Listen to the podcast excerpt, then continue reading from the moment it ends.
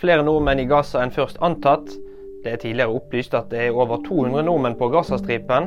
Nå sier utenriksminister Espen Barth Eide til NRK at det er nærmere 250 nordmenn eller mennesker med tilknytning til Norge. Dro inn nesten 400 000 kroner i trafikkontroll. På to timer ble 51 sjåfører tatt for å ha kjørt ulovlig i kollektivfeltet på E18 i Bærum mandag morgen. Å bli tatt for å kjøre ulovlig i kollektivfeltet fører til et gebyr på 7800 kroner.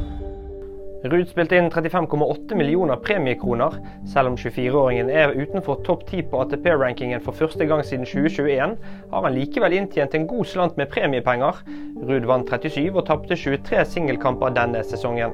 Kristoffer Gåsa Torgersen ga de VG-nyhetene. Nyheter finner du alltid på VG.